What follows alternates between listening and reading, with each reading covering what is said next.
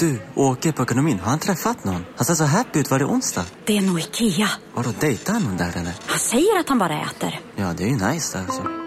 Missa inte att onsdagar är happy days på IKEA.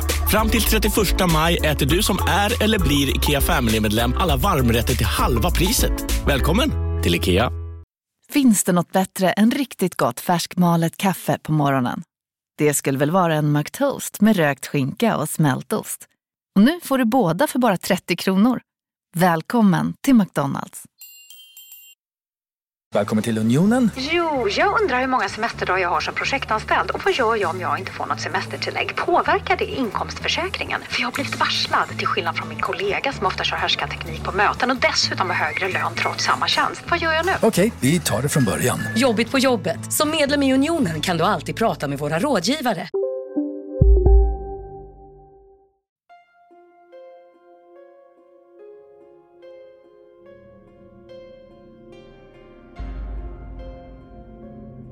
Hej och välkomna till Spökpodden. Det är jag som är Fredrik. Och det är jag som är Oskar. Ja, nu blir det tyst där. Ja, jag tänkte, jag tittade på det så tänkte jag att nu får han säga någonting. Nu får han ta och skärpa sig. Ja, det är med. Idag var jag ju sen här till eh, inspelningen. Jajamän. Eh, det blir lite dumt ibland när det kan eh, dra ut på tider. Det kör, det kör ihop sig mellanåt ja. Så att, men nu har vi en egen lokal så att vi kan ju vara dygnet runt. Ja, Så det gick inte ju bra. Så det stör ju inte någon om jag är lite sen. Nej. Vi har ju, inte annat så har vi ju faktiskt eh, haft en spännande vecka tycker jag, eh, allmänt för oss. Mm. Vi ska ju vara med Alternativa Mässan I Göteborg ja. i Göteborg, så att det har vi bestämt nu att vi ska vara med. Mm. Vad är det? Femte, sjätte? Ja, mars. Ja. Femte, sjätte mars. Alternativa mässan i Göteborg.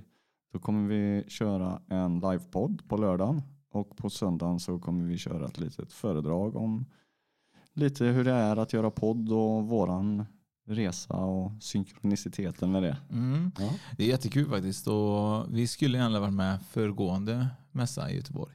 Mm. Men då blev det också att vi fick ställa in på grund av att du fick jobba och lite annat. Så nu ska vi köra äntligen. Ja, nu jäklar. Jävlar. Nu kör vi. Nu kör vi. Ja. Så det kommer finnas möjlighet att vara med och lyssna på livepodden och vara med på, på söndagen om man vill det. Och Mm. lite mer info kommer självklart komma på sociala medier och kanske även på nästa avsnitt. Eller veckan på kanske. Mm. Och sen de har ju en hemsida också. Jag kommer inte ihåg adressen just nu. Men... Bra Fredrik. Ja, ja, du men en vet. hemsida om du bokar. Ja, så, men ja. jag tror den heter Alternativa mässan i Göteborg. Jag vet inte. Ja, sök på Facebook så det kommer upp direkt. Alternativmässa i Göteborg. Så Ja. kan man läsa om programmet och sådär. Ja, vi kan, kommer Mm. lägga ut det på sociala medier också så man kan gå in och kolla på, på vår Instagram på spökpodden.se. Så kan man säkert få lite mer info om det också. Det kommer man få. Så att, eh, det ser jag fram emot. Det kommer bli så jäkla bra. Eh, jag tänkte innan vi drar igång här så är det så att eh, Språktidningens omröstning om eh, Sveriges roligaste ortnamn och Sveriges vackraste ortnamn, ortnamn är nu avgjorda. Visste du det? Superspännande. Ja, Ja. det tycker jag faktiskt. Ja, jag tyckte det var lite roligt. Jag läste den här. Vack- vackraste och roligaste. Ja, Vilket kan vara det roligaste ortnamnet då? Ja, det, det- kan ju inte vara så enkelt som det är Trosa eller något sånt där. nej, det är det faktiskt nej. inte. Jag har faktiskt med mig det.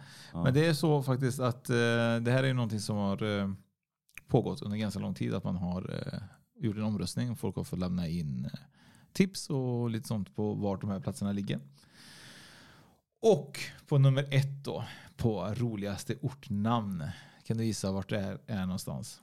Är- Nej, jag har ingen aning. Det är ett fjäll i Jokkmokk. Och Ja. den fick 37,5 procent av rösterna. Okej. Mm. Och det är faktiskt någonting som jag tror eh, våran, eh, våran manager känner igen sig i. Eh, snålkuk. Snålkuk. ja, men det, det var ett lite roligt namn. Ja, och men det, grejen är typ att det är ganska roligt för att egentligen är det så att det är ju inte, man förknippar det till snålkuk, men egentligen så är det så att det betyder självklart inte det som, som det låter. Eh, Gammalsvenskan eh, så var det så att eh, snål betydde ju Liten. Nej. Precis, lilla fjället. Eh, nej, snål betyder karg och kuk är ett annat uttryck för sluttning. Jaha. Så egentligen därifrån det kommer då. Ja. Och det självklart, Karg sluttning alltså. Ja, sen har vi då lite andra om man vill eh, veta. Jag tror att den här har varit med tidigare med Frufällan. Den har jag åkt förbi ett par gånger för den ligger faktiskt utanför Borås. Mm. Ja, men det känner jag igen också. Ja. Frufällan. Det är trevligt. Ska vi skicka dit Anna kan du göra. Jag trodde mer att det var så att om man som man åker in där så kommer du aldrig därifrån. För då får du en fru. Sen, sen har vi då Stjärtnäs. Stjärtnäs. Ja, Ja. det är lite trevligt tycker jag. Eller, ja, det lät ju inte bra. Men, men, det, men det, är, det här är faktiskt en, eh, en ortsnamn från eh, Ekerö kommun. Ekerö i Göteborg eller? Ja, det är nog Färingsö. Står det. Mm. Eh, aha, finns det också en eh, som på fjärde plats. Jaha. Mm, och- mm, mm, det, aha, dit ska jag. Jaha. Ja. Ja. Eh, sen har vi Normlösa, ett samhälle i Mjölby. ja, normlösa. Jajamän. Känner du- ju ramlösa också. Ja, det har du, men det är det är inte lika roligt. Nej, sen har vi Hej i Skellefteå. Och sen har vi Bus, Buslätt. Buslätt. Buslätt utanför Uddevalla faktiskt. Jaha. Ja. Det har... Buslätt. Ja. Buslätt. Jag tror, ja, jag tror man säger buslätt. Aha. Men man läser buslätt. Ja, det, är nog, det kan Ja. nog stämma. Jajamän. Har du varit där? Jag har ju bott det i? Uddevalla. Jag har ju varit, du- jag, har varit, jag har varit i Uddevalla. Nej, jag har ju bott i Uddevalla under några år och jag har för mig att jag känner igen det. Ja, Buslätt. ja det ser man. Sen har vi ju mens, mensallvaret. Och det är ett område i Öland. Ja, jag tänkte säga det måste ligga på Öland. Ja, just det. Det, ja, allvaret ligger ju där. Aha. Det är ju... Ja, det, det är en stor ma- Jag tror det är ganska kargt där och det lite sten och småbuskar och sånt där. Ingen, ingenting mer. Nej, Det lite, kallas för lite, lite ja, lite mensigt där. typ så. Eh, sen har vi på nionde plats är ju Mellangården.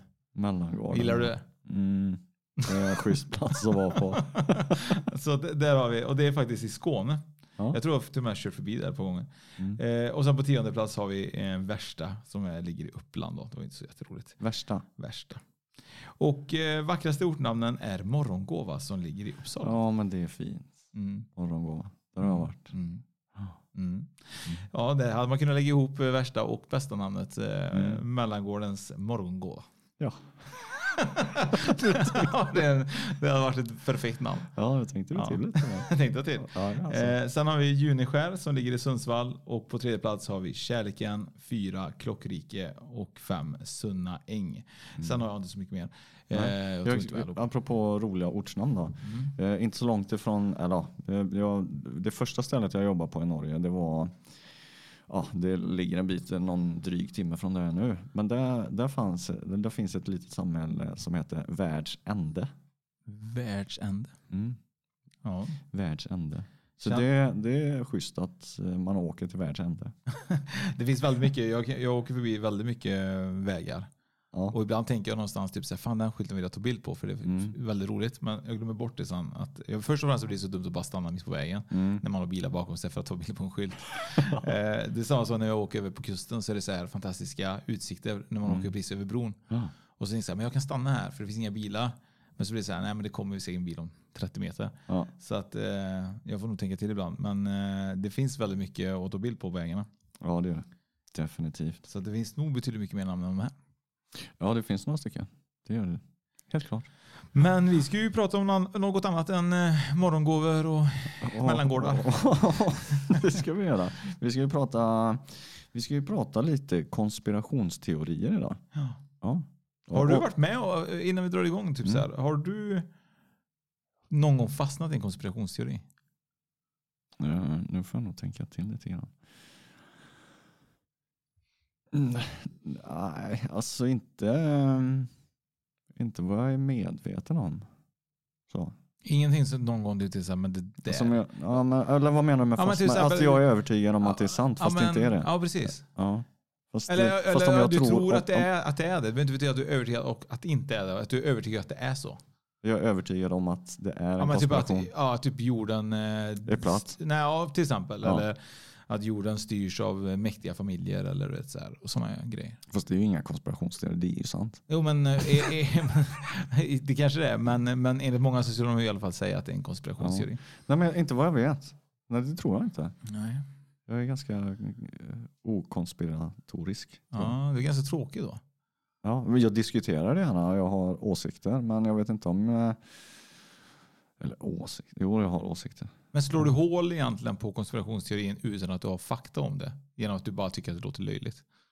Nej, Nej, det gör jag nog inte. Nej. Allt kan ju vara möjligt. Ja, Jag så är, jag för jag är, både du och jag är lite utav den uppfattningen att i och med att vi håller på med det vi gör så allt som, som vi har varit med om kan man ju inte ta på och inte förklara. Mm. Eh, så att, eh, nej, jag, jag är nog ganska försiktig med det egentligen, även fast jag tycker det är roligt att prata om det. Men jag är öppen för att lyssna, definitivt. Jag tycker det är jäkligt intressant att höra på, på folk som eh, i mitt tycke ibland då kanske att de tror att de har en jäkla massa argument som talar för och så kan jag uppleva att ja, men jag delar inte den eh, uppfattningen. Mm. Eh, Men eh, man ska ju vara, apropå på det, vi kanske kommer in på det lite senare, men just det här med att försöka motbevisa någon som har en konspirationsteori. Det har ju visat sig att genom att eh, försöka överbevisa och lägga fram mer och mer fakta som eh, är sanna då, så kan det bli så att man trycker ner de här personerna i ett ännu djupare konspiratoriskt tänkande och det får helt motsatt effekt. Och nu kommer inte jag riktigt ihåg vad det heter men det kallas för någonting. Eh, debunking, debunking kallas det för. Att man bryter ner då. Mm, att man bryter ner eh, och lägger på med eh, fakta som faktiskt är riktig fakta då. Eh, och det är en, en, eh, en det finns en handbok från 2011 eh, som är skriven av ett par forskare, bland annat John Cook och Steven Lewandowski. Det är Eh. fotbollsspelare också där. Ja, men det här är inte fotbollskillarna. Nej, det var bra. Eh, och, de- och de pratar om det att det är, det är jättesvårt att göra det på det viset. Eh, och sen så när man pratar om konspirationsteorier, om man ska börja prata med det, så ska man vara väldigt försiktig med hur man tar upp det. Man ska alltid prata om vad som är sant först. Så att man talar om de riktiga faktorna. För att när man pratar med folk så tänker de oftast, eh, eller folk, det gör vi väl också, att det man hör först, det är sant. Mm. Så därför ska du alltid ta eh, faktan som leder fram till konspirationsteorierna först. Så att det är det första man får höra och det första man kommer ihåg. Det låter ju vettigt. Ja, så det finns massa fakta runt omkring det. Och det finns eh, tre punkter här då som är ett grundrecept för att bemöta myter. Och den första är fokusera på det som är sant och inte på själva myten. Ja, det var ju typ det jag sa. Sen så ska man varna för att den myt du ska berätta om faktiskt inte är sann. Eh, och tredje delen är att erbjuda en alternativ förklaring till det som myten påstås påvisa. Så det är ja, lite kort om det då. Mm. Mm. Och det tycker jag låter intressant. Grejen är typ så här, konspirationsteorier kommer vi aldrig komma undan. Det kommer alltid finnas. Vi har ju mer eller mindre varit i en jättestor konspirationsteori under två års tid. Som alla känner till. Absolut. Eh, och där finns det ju jättemycket fakta åt båda hållen. Sen eh, finns det ju fakta. Vi, vi på Spökpodden försöker hålla oss borta från det här ämnet. Vi har väl våra egna åsikter. Eh, men det är väldigt, eh, väldigt intressant. Och det finns ju väldigt intressanta delar från båda hållen tycker jag. Jag eh, ska inte säga bu eller bä, men det är ju superintressant om man kollar på båda sidorna av mynten. Ja, absolut. Så är det ju. Ja. Och sen är det ju så att eh, vi lever i en värld där sociala medier styr. Mm, Det kan ja, vi, kommer vi aldrig ifrån. Nej, så är det ju. Det är ju media som bestämmer vad som ska läggas fokus på och inte. Eh, Och sen om det är rätt eller fel, ja. Ja, men det är som är intressant för grejen är oj jävlar slog iväg mikrofonen. Mm. Eh, en konspirationsteori om det. Eh, nej men det som är intressant är till exempel Barack Obama var med i ett tv-program för ett par år sedan. Och så var det så att algoritm Mm. är livsfarligt för människan. Okej. För att till exempel, om vi leker med tanken att du googlar eh, farligt krig, bla bla bla, Iran. Är du med? Mm. Mm. Och jag googlar solresor, Iran. Mm. Med tanken. Det du kommer få framöver när du redan tycker illa om iranier, leker jag med Mm. till exempel, så kommer du bara få till dig fakta om det dåliga Mm. om det. Jag kommer bara få till mig solresor, hur Mm. fantastiskt det är. Jajamän. Så att det som är grejen med farligt med nätet och algoritmer är att du kommer få den informationen du har sökt. Så söker du mycket negativitet så kommer du snöa in i den här negativa tanken och få information om hur dåliga iranier är eller hur dåligt det andra är. Mm. Eller, Och medan jag som då har googlat, ah, men jag vill åka till Iranien för det är så fantastiskt, jag vill se Mm. verkligen palmer till exempel. Då kommer jag få den Mm. till mig. Och det är det som är farligt också med algoritm. Att sociala medier kan också se till att påverka oss människan. Vad vi tycker och tänker. Mm, ja, definitivt. Och det, det sjuka med det här är ju att eh, algoritmerna finns ju, det vet man ju. Eh, Det räcker ju att eh, du söker på, du ska köpa på nya skor och så går du in på Facebook så kommer det hux flux upp massa sportskor i, i annonsfältet där. Men det tråkiga med det är ju också att eh, om man vänder på det, att du, du, du vet om att, att nätet fungerar så och du skriver in de här eh, dåliga orden så att säga då då du matar ju dig själv med det. Det är ju andra sidan av det, men jag köper ju att algoritm, alltså det borde kanske inte användas på, i den utsträckning som det gör. Alltså, men allting handlar om pengar idag. Ja, men samtidigt tror jag typ så att algoritmen är ju byggt, alltså algoritmen byggs ju utav vad du söker.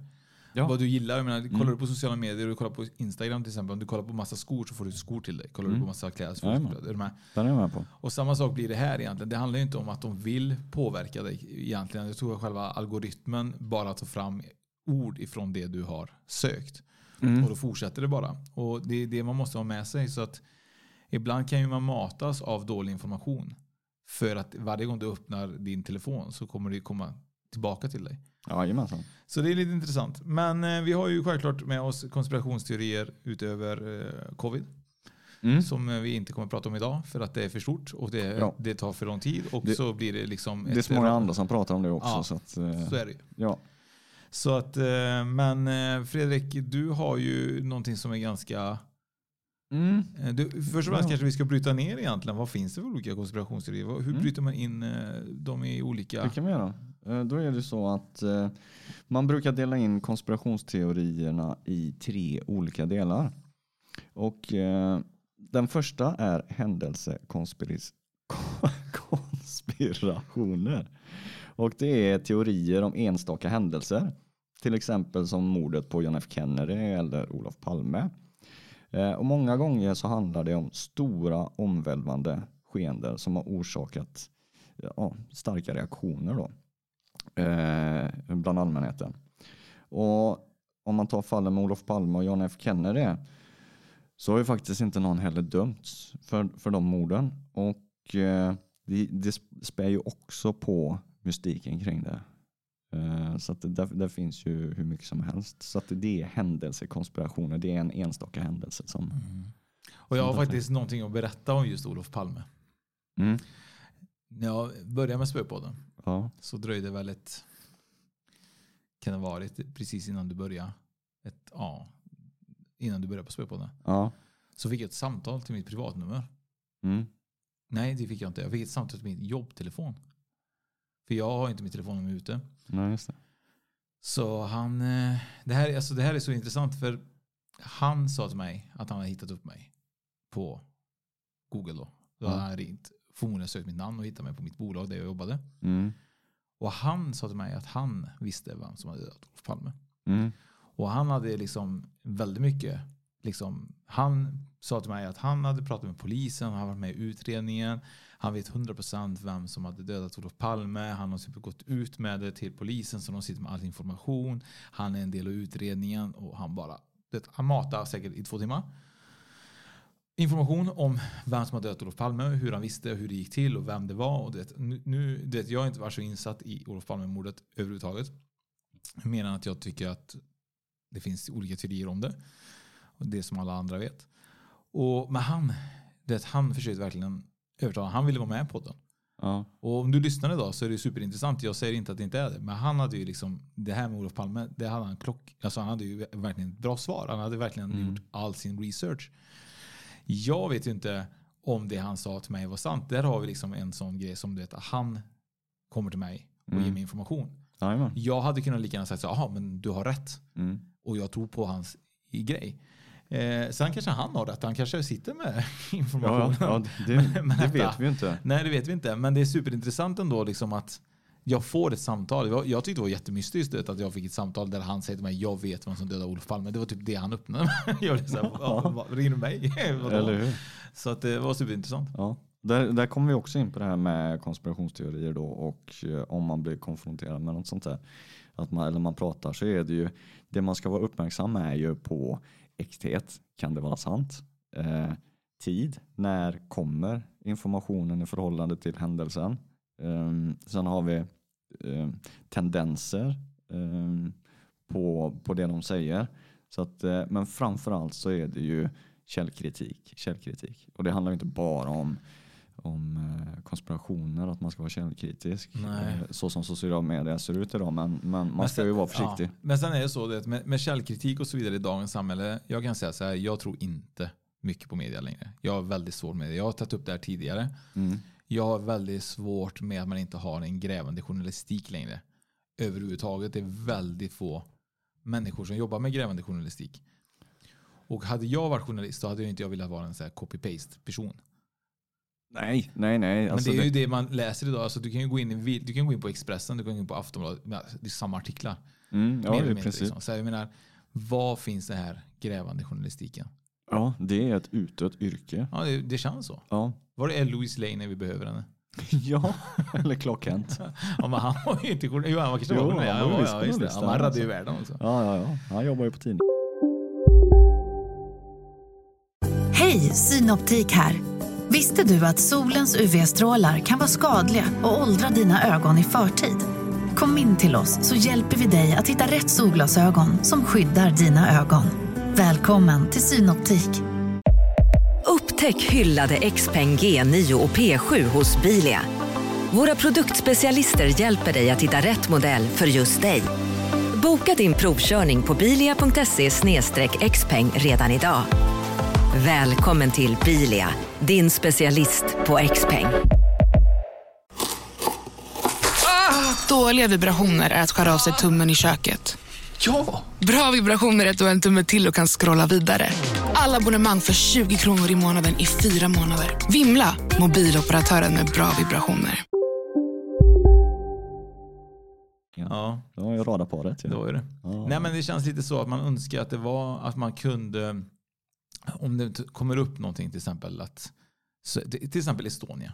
Mm. Nu eh, snackar de ju till exempel att nu måste de ju ta om det här i domstol. Eller vad det Mm. var. För att det var ju inte rätt. Det Nej. verkar vara någonting som är lite mystiskt där. Och då tänker jag så här, varför har man inte gjort ett grävande journalistik innan om det här? Varför Ja. har man inte liksom undrat vad som egentligen hände och gjort en utredning riktigt och tänkt sig att fan, det här hålet stämmer inte överens med det här. Nej, det, det är väl, nu är man tillbaka där igen. Alltså, det handlar väl om pengar. Och Så är det ta, ta sig ner på, på havets Man kan ju inte botten, vinna liksom. Pulitzer Prize eh, om man sitter och håller armarna i kors och kopierar och klistrar in. Liksom. Nej, det gör man ju inte. Nej, Men det vore trist. det vore trist. Ja, det vore väldigt trist. Så vem, eh, vem är det? V- Vet du det? Vem är vann Pulitzer Prize? eh, Po- Vad heter den? Heter det inte så? Pulitzerpriset. Ja. ja. Kan du googla det? Vem som vann, vem som vann och varför. Så kan vi ta reda på det under podden. Vad sa du för något? Kendrick Lamar. Men inte nyss. Okej. Ja. Ja. Ja, nu, Mm. fortsätt. Ja, ja, nej, men, jo, absolut. Så, men jag tror också att det... Eh, sen vad kan det mer handla om då? Folk, jag tror att... Eh, I dagens läge så känns det mycket typ så att man måste gå lite på egna uppfattningar. Och att, alltså, alltså, grejen är typ så här, att förr i tiden så var det så att man kunde gå till källkritik, alltså ta källkritiken genom att man läser det på, på Google och så vidare. mm. Men jag tror lite grann idag så känns det att man måste göra rätt mycket research själv. Ja, man Ja, behöver man- göra det. Och sen vara försiktig. För om man, om man kollar på Wikipedia då. Eh, Som är skriven egentligen av vem som. Ja, vem som helst kan gå in och skriva där. Eh, och då, då är det ju en godtycklig information. Mm. Eh, det är de som matar in det som står för det. I och för sig så är det ju så i nationalencyklopedin också.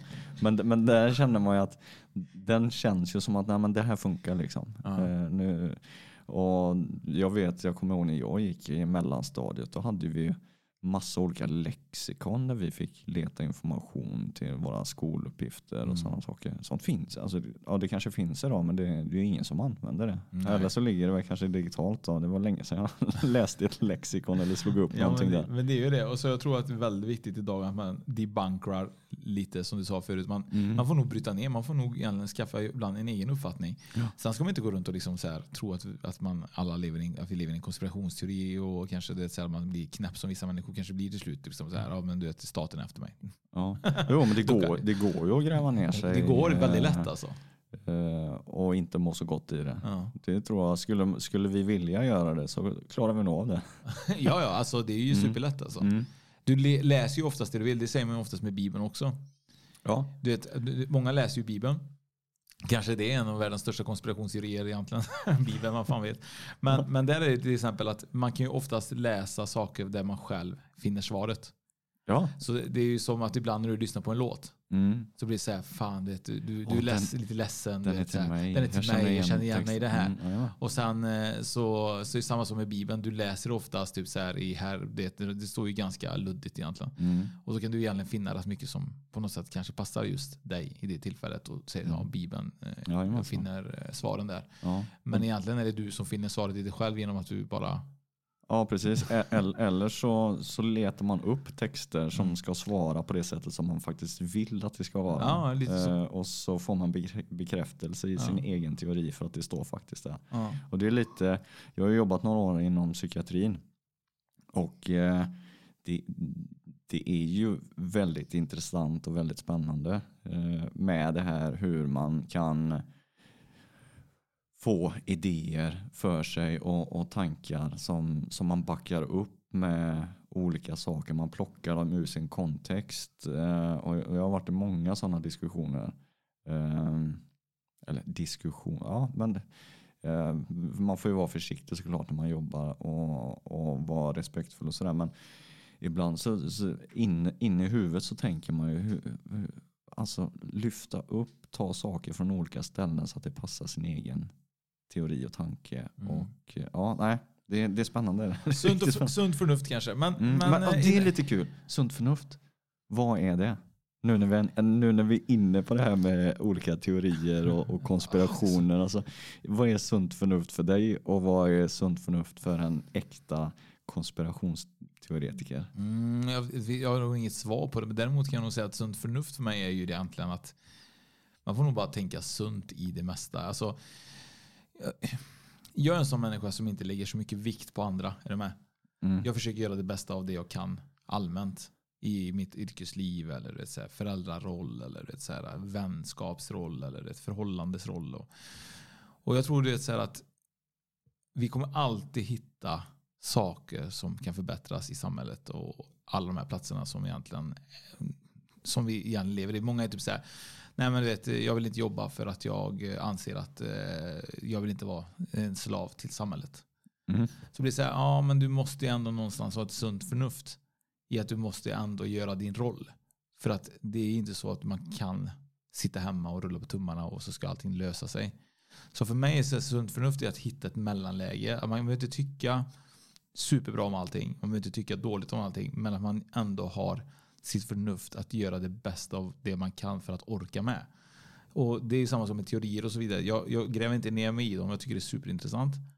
Sen kan det vara så att det är så, men vad ska jag göra då? Jag är typ en vanlig människa från Trollhättan. Jag kan inte ändra och säga typ att månlandningen stämmer inte. Och så ska jag typ hela världen bara, åh nej, månlandningen stämmer inte. Och så ska vi ändra historieböckerna på grund av mig. Det kommer aldrig hända. Men däremot kan jag tycka det är intressant och jag kanske tror att månlandningen skulle vara fake. Men då får det vara där. Du behöver inte göra så mycket mer. Nej, nej. Ja, men det, det är en intressant fråga. Mm. Sunt förnuft. Ja. Vi ser om Ramin och sunt förnuft för våran eh, fina Manager. manager. Han eh, skulle ta fram lite info här. Vad fick, kom vi fram till? Ja, eh, Pulitzer var en journalist på 1800-talet. Och eh, han, var, han, han etablerade den moderna nyhetstidningen eller sättet man eh, gör, ett nytt sätt att göra journalistik på. Han dog eh, 1911 och direkt året efter så etablerade de det här eh, eh Pulitzer-programmet på Columbia, University of Columbia. Eh, där de än idag håller på med journalistik. Då. Eh, alltså skola och då de bästa journalist, journalisterna går eh, på Pulitzer, skolan av Pulitzer. Eh, annat än det så var det inte så mycket. Han var ungersk. Men behöver man liksom, måste man på något sätt för att vinna det priset, behöver man liksom ha cover up liksom, eller måste man typ säga cover, eller typ inte cover up, fel håll. Behöver man liksom så här, eh, få fram någonting som har legat och i mörkrat, mörkrat i mörkret liksom? Nej, inte vad jag förstod. Vad jag förstod var att man ska stå för, eh, Eh, stå för rättvisa, man ska ha stått för, haft en stark åsikt om eh, saker och ting. Det är därför många, så här, vissa artister, många journalister, speciellt journalister, eh, om det har varit en groundbreaking nyhet som de har varit med och fått ut, eh, om det har varit eh, eh, kidnapping i Somalia, vad, vad det nu kan vara, att man har varit med om någonting ganska stort. Det är ju typ motsvarigheten till Nobelpriset inom journalistik skulle man kunna säga, men det gäller även andra eh, aktörer som, eh, kan stå, som har, står för någonting starkt och ja, stort. Det är någonting att satsa på då, Fredrik? Ja, vi får bli grävande journalister helt enkelt. Ja. Det här blir lite spännande egentligen. Om, nu vet vi inte, nu sitter ju eh, Ramin lite längre bort här så det blir spännande att se om, vi, om det verkligen hörs bra för Mm. er som lyssnar. Vi kommer få justera lite med spakarna ja, på det tror jag. Precis. Mm. Ja, får han skaffa en liten megafon till nästa gång. Ja. Men eh, apropå att vi hade tre olika typer av konspirationsteorier då. Precis. så, så kan vi gå till, nu har vi klarat av händelsekonspirationer och sen har vi något som kallas för systemkonspirationer. Och här kopplas ju flera händelser och te- teorier ihop för att visa att en och samma grupp av konspiratörer driver ett större maktspel. Till exempel rasistiska grupper pekas ofta ut judar, i vissa fall muslimer, som en hotande grupp som håller ihop för att tränga undan eller dominera den egna gruppen. Historien visar att när systemkonspirationer som riktas mot minoriteter eller politiska grupper får stort genomslag i samhället kan det få fruktansvärda konsekvenser för den grupp som pekas ut. Det är ju typ eh, eh, judarna då, eh, under andra världskriget. Men till exempel, eh, det är lite så, nu säger man ju da- dagens eh, nynazister och nazister, många är ju Mm. typ så här, det hände aldrig. Det har aldrig hänt. Eller hur? Eh, De har ju sin konspirationsteori om det här. Mm. Det har de. Den köper inte jag i alla fall. Nej, inte jag heller. Ja, men typ att man säger att förintelsen aldrig ägt rum. Nej, Men det, vad, kan man fråga om en annan konspiration som hände i Sverige på 90-talet om ny- nynazister? Ja, absolut. Eh, minns ni Jerker Arklöv? Ja. Ja. Vad är det för konspiration bakom det? Varför var han ledaren för nynazisterna i Sverige? Vad, jag, vet ju inte. Jag, Jag vet inte egentligen så mycket mer om att han själv var utländsk utseendemässigt i alla fall. Nej. Och att han avrättade väl poliser Ja. eh, i någonting. Men jag vet det, var inte. ett, det var ett rån va? Han, Ja. han, eh, de, han, han stoppades väl på vägen tror jag, en biljakt. Så det, det är väl det jag känner till. Jag visste inte att han var inblandad i någon typ av konspirationsteori faktiskt. Nej, så det tar vi till, eh, till Mm. oss eh, och det tar, vi- tar vi faktiskt. Spännande, så det kan ju kanske om, om vi har någon lyssnare som är duktig på, på det eller kan lite grann om det så får ni jättegärna skicka DM till oss. Precis.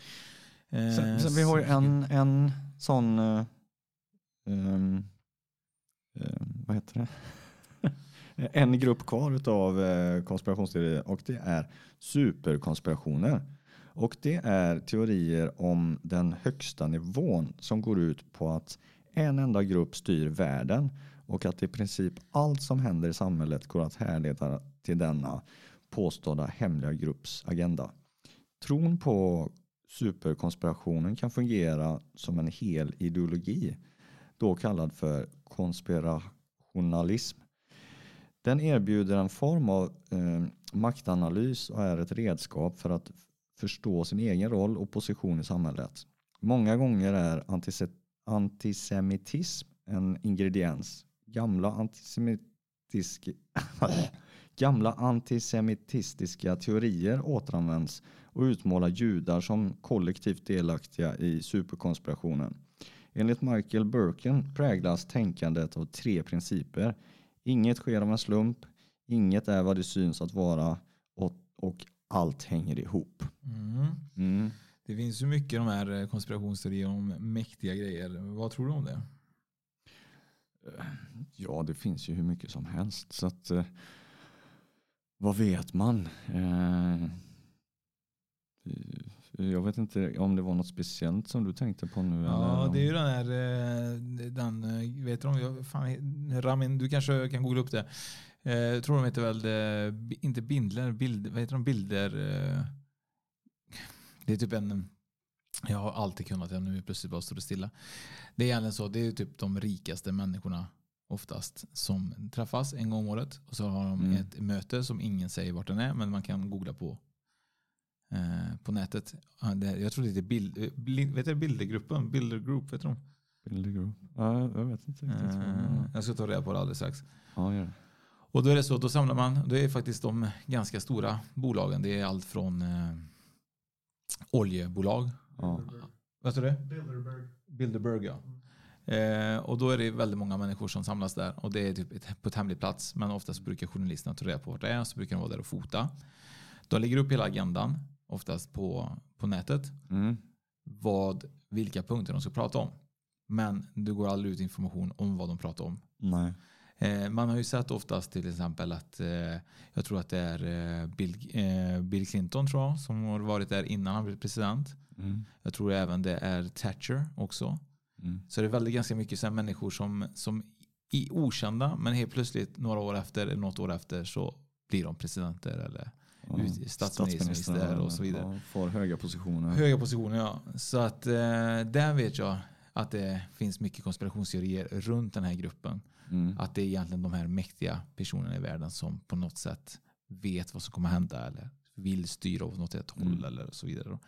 Så det, de, de finns ju och det är ju sant för de har ju sina, sina årliga möten. Mm. Eh, jag gissar inte på att jag eller du kommer få vara med. Vem vet, vem vet. men, eh, men det är superintressant med de här teorierna tycker jag. För att jag tror ju någonstans det finns, jag, jag sitter med så också mycket så här teorier i mitt huvud men, eh, som vi kan prata om också framöver. Men, men grejen är typ så här, när du kommer upp till en maktposition Mm.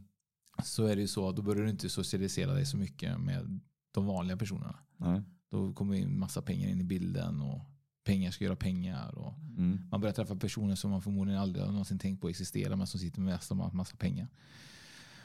Och självklart så tror jag väl att någonstans i det här stora hela så, så vill man ju ta makt tillsammans. Mm. Och tillsammans kan man ju bli bara starkare. Jag tänker ju själv om jag eh, skulle vara så att jag är framgångsrik och då skulle jag gå ihop med någon för att bli ännu mer framgångsrik. Ja. Vanligtvis.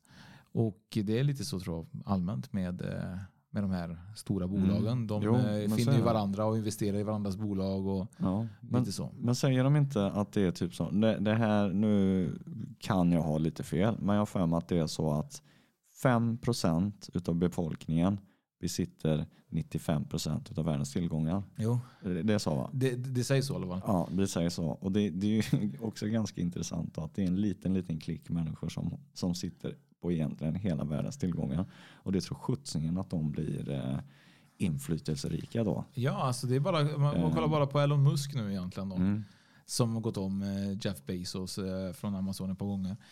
Och jag menar, han, nu hade han väl gett bort då 5 miljarder om sin, av sin välgörenhet. Eller han har gett Mm. bort 5 miljarder av sin vinst eller av sitt, sitt omsättning, eller ska Mm. säga, till välgörenhet. Men det är också en sån här grej, typ i USA och så vidare, så är det ju så att när du ger bort pengar i välgörenhet så är det ju så också att det blir som en kostnad för dig så att du behöver skatta mindre. Jajamensan. Så att jag menar, Mm. det finns ju väldigt mycket grejer som Jo, man det- ibland Det är inte... ju ekonomiska fördelar i det. Ja. Visst, så är det ju. Det går inte att komma ifrån att det nej, så jag menar ibland när vi ser typ så här, ja men du vet, de är bara fina människor så kanske det är bara för att de ska vill tillföra något bra för sitt bolag i, i skattemässigt. Men, eh, men det som du säger så är det ju så, men han eh, har ju flera miljarder och det har ju Bill Gates och det har ju även Mark Zuckerberg och det har ju liksom Jeff Mm. Bezos. Så jag menar, det är klart de omsätter, de har ju mer pengar än vad vissa länder ens får i, Ja, I omsättning. i omsättning. Liksom. Ja, det är... Så det går inte det går inte att förstå egentligen hur mäktig man blir i sådana här positioner. Nej, nej, det går inte. Och De- det, och det kanske är tur det, att vi faktiskt inte inser det.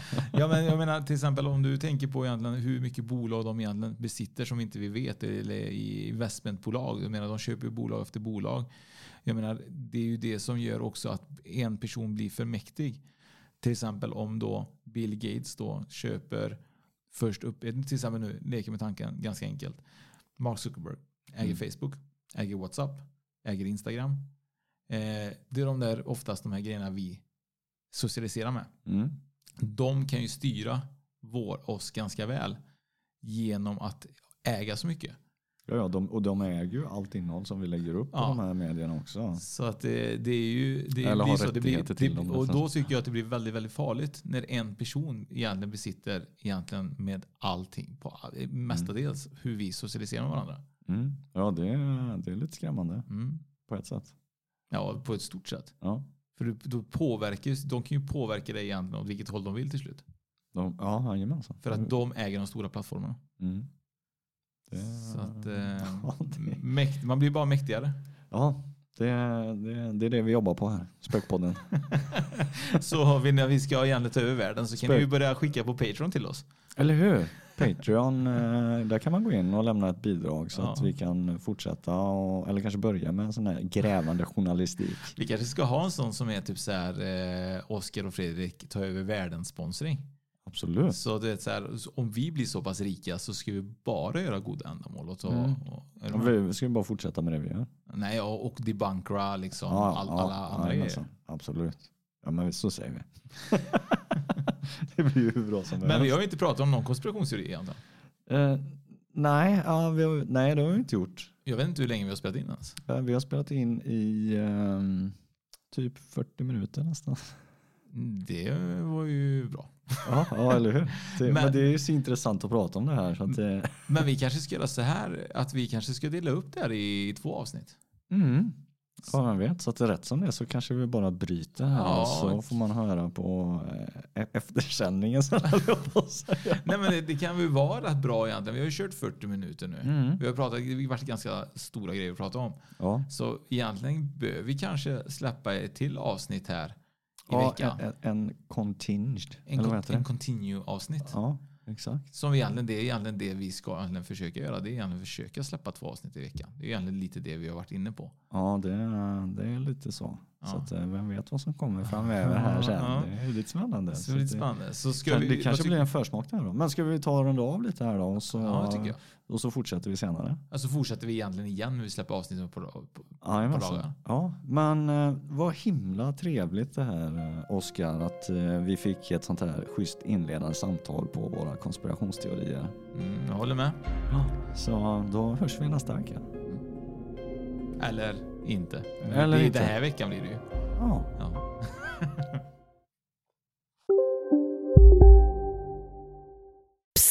Känner du igen en riktigt smart deal när du hör den? Fyra säckar plantjord för 100 kronor. Byggmax. Var smart. Handla billigt. Ja, Hallå? Pizzeria Grandiosa? Jag vill ha en Grandiosa capriciosa och en pepperoni. något mer? Med kaffefilter. Ja, Okej, ses samma. Grandiosa, hela Sveriges hempizza. Den med mycket på. Just nu till alla hemmafixare som gillar julast låga priser. En slangvinda från Gardena på 20 meter för vattentäta 499 kronor. Inget kan stoppa dig nu.